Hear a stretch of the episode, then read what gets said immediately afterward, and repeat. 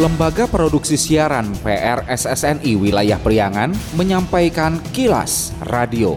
Disiarkan di 20 radio anggota PRSSNI di wilayah Priangan.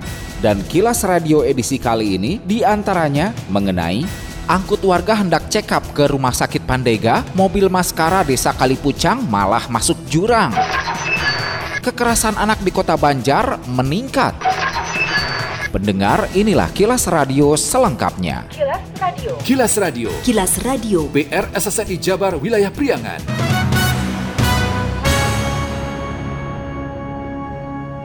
PT Albasiah Kawasan Berserikat Nusantara KBN yang berlokasi di Desa Bojong Mengger, Kecamatan Cijengjing, Kabupaten Ciamis terbakar. Dalam sekejap, kobaran si jago merah meluluh lantakan perusahaan beserta isinya seperti bahan-bahan yang mudah terbakar hasil produksi kayu kering selasa 15 Agustus. Kepala Bidang Pemadam Kebakaran Damkar Kabupaten Ciamis Ius Yusmana mengatakan pada kebakaran yang terjadi sekitar jam 9 pagi itu pihaknya kerahkan 7 unit mobil damkar dibantu dari Tasikmalaya Malaya Kabupaten dan Kota 2 unit damkar, Kota Banjar 1 unit damkar dan BPBD serta PDAM. Menurut Ius, saat sampai di lokasi api sudah membesar di bagian penyimpanan kayu kering dan pengasapan. Ius menambahkan karena barang-barang mudah terbakar dan api cepat melebar, petugas dapat memadamkan hingga jam 3 sore. Kendati tak ada korban jiwa, kerugian serta penyebab masih dalam penyelidikan pihak kepolisian pendinginan mulai dari jam 9 sampai jam jam 3. Kalau korban tidak ada, hanya hmm. material aja, Pak. Sampai saat ini penyebab kejadian sudah diketahui, Bu, penyebabnya dari apa? Belum Pak, saya belum. sendiri belum belum tahu penyebab. Ya, kalau kesulitan untuk memadamkan mah tidak ada karena transportasi ya jalan. Hmm. Mungkin karena terlalu api besar, langsung besar, makanya agak mungkin agak lama dan itu pun karena di dalamnya kayu ya Pak. Kebayang hmm. kalau kayu itu kan sedikit api juga lama-lama kan menjadi melebar dan ya. meluas. Ya.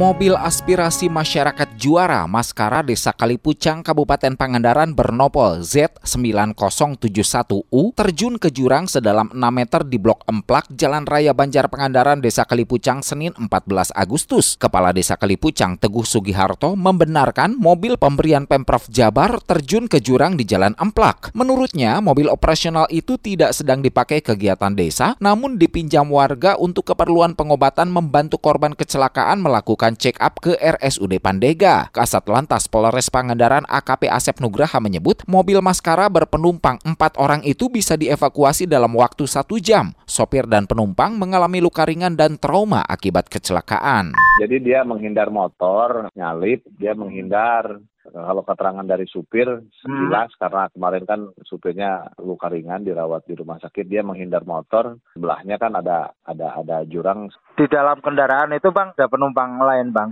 ada penumpang itu pas kebetulan dia nggak mau nganter yang sakit juga mau nganter yang sakit ke Pandega ke rumah sakit Pandega ya yang sakit aja hanya luka ringan aja kan udah luka udah ringan. karena emang dia dalam keadaan sakit jadi emang ah. mau, mau berobat ke Pandega ah.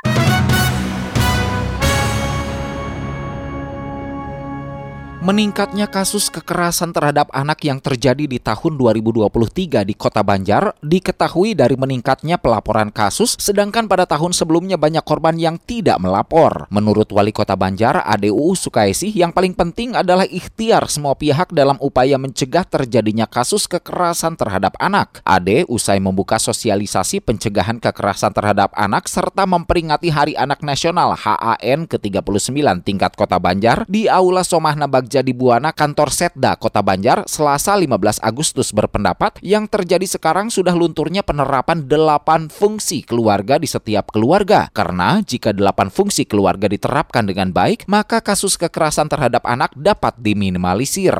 Yang tadi Ibu sampaikan, 8 fungsi keluarga itu harus diterapkan di keluarga-keluarga. Apa itu? Fungsi kasih sayang, fungsi sosial, fungsi agama, fungsi ekonomi, fungsi lingkungan hidup, hidup. Fungsi ada delapan fungsi keluarga itu kalau melalui PKK terus ke, ke, ke keluarga-keluarga kan sekarang mohon maaf ya banyak orang tua yang sibuk.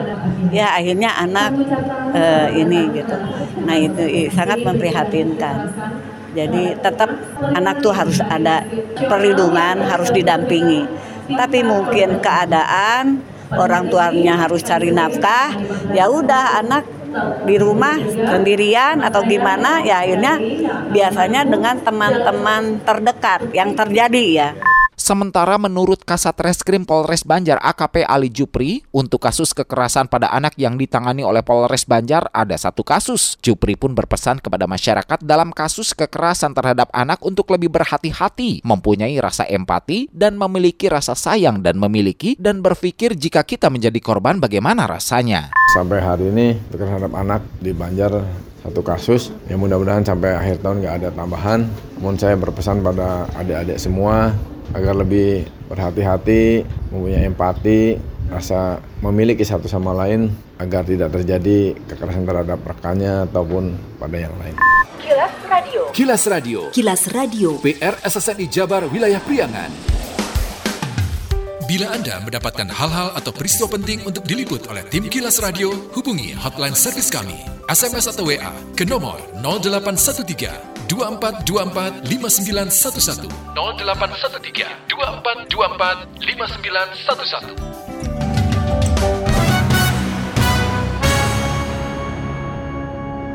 Info Pemilu.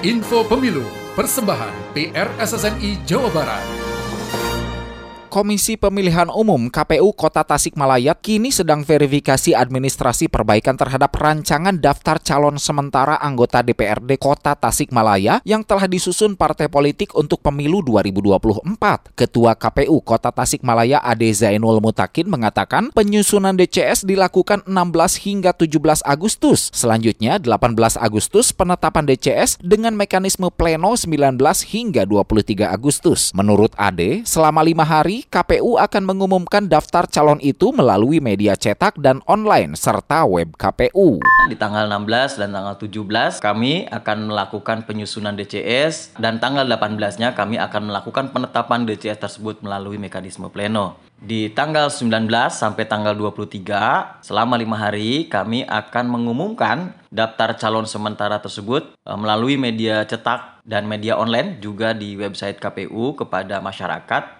untuk dapat dicermati dan juga untuk mendapatkan tanggapan dari masyarakat.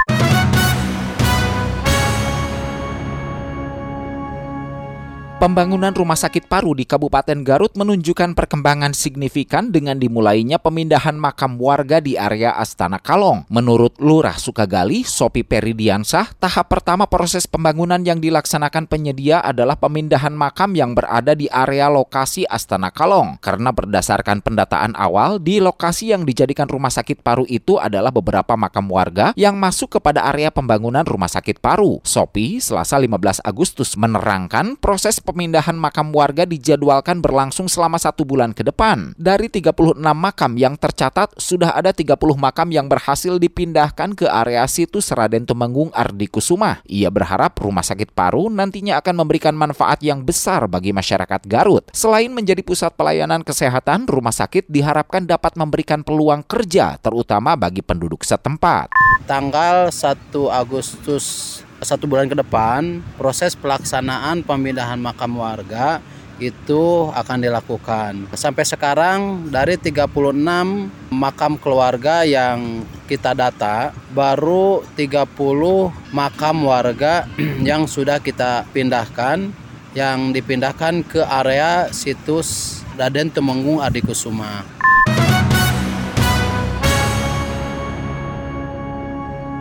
Mengisi kemerdekaan dengan dulur ulin lintas iman, Pondok Pesantren Sabilul Huda Tasikmalaya menerima kunjungan dari SD Yosudarso sebagai ukhuwah watoniyah, semangat kebinekaan dalam bingkai kemerdekaan, kegiatan persaudaraan lintas iman yang digelar Sekolah Yosudarso Tasikmalaya dan Pondok Pesantren Sabilul Huda Tasikmalaya itu diikuti sekitar 200 siswa-siswi diisi dengan pertunjukan seni lintas iman, bermain bersama permainan tradisional, makan siang bersama dengan gaya bala kecerakan dan pemberian santunan dari anak untuk anak. Kepala Sekolah Yosudarso Margareta Yunita mengatakan kegiatan lintas iman dalam rangka memeriahkan kemerdekaan Republik Indonesia ke-78 itu melibatkan tak kurang dari 50 siswa-siswi sekolahnya. Menurut Yunita, sekolah harus menjadi tempat di mana anak-anak tidak hanya menambah pengetahuan, tapi membentuk karakter unggul, memiliki keterbukaan pada keberagaman suku, agama, ras, budaya, sesuai dengan konteks bangsa Indonesia. Ditegaskannya, momen kemerdekaan juga sangat tepat diisi dengan kegiatan persaudaraan lintas iman.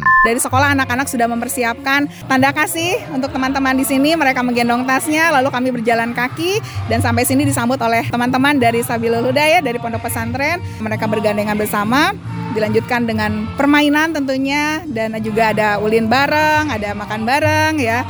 Intinya dalam kegiatan persaudaraan. Tentunya kita menanamkan bagaimana anak Indonesia itu harus bisa memiliki jiwa persaudaraan tanpa mengenal perbedaan.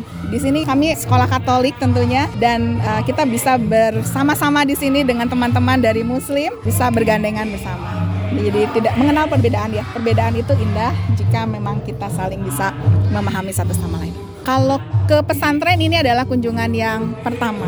Ya, rasanya kita akan menjadikan agenda rutin karena sekolah kami juga ada sekolah yang heterogen, semua agama ada, semua suku ada dan kita tentunya akan melanjutkan.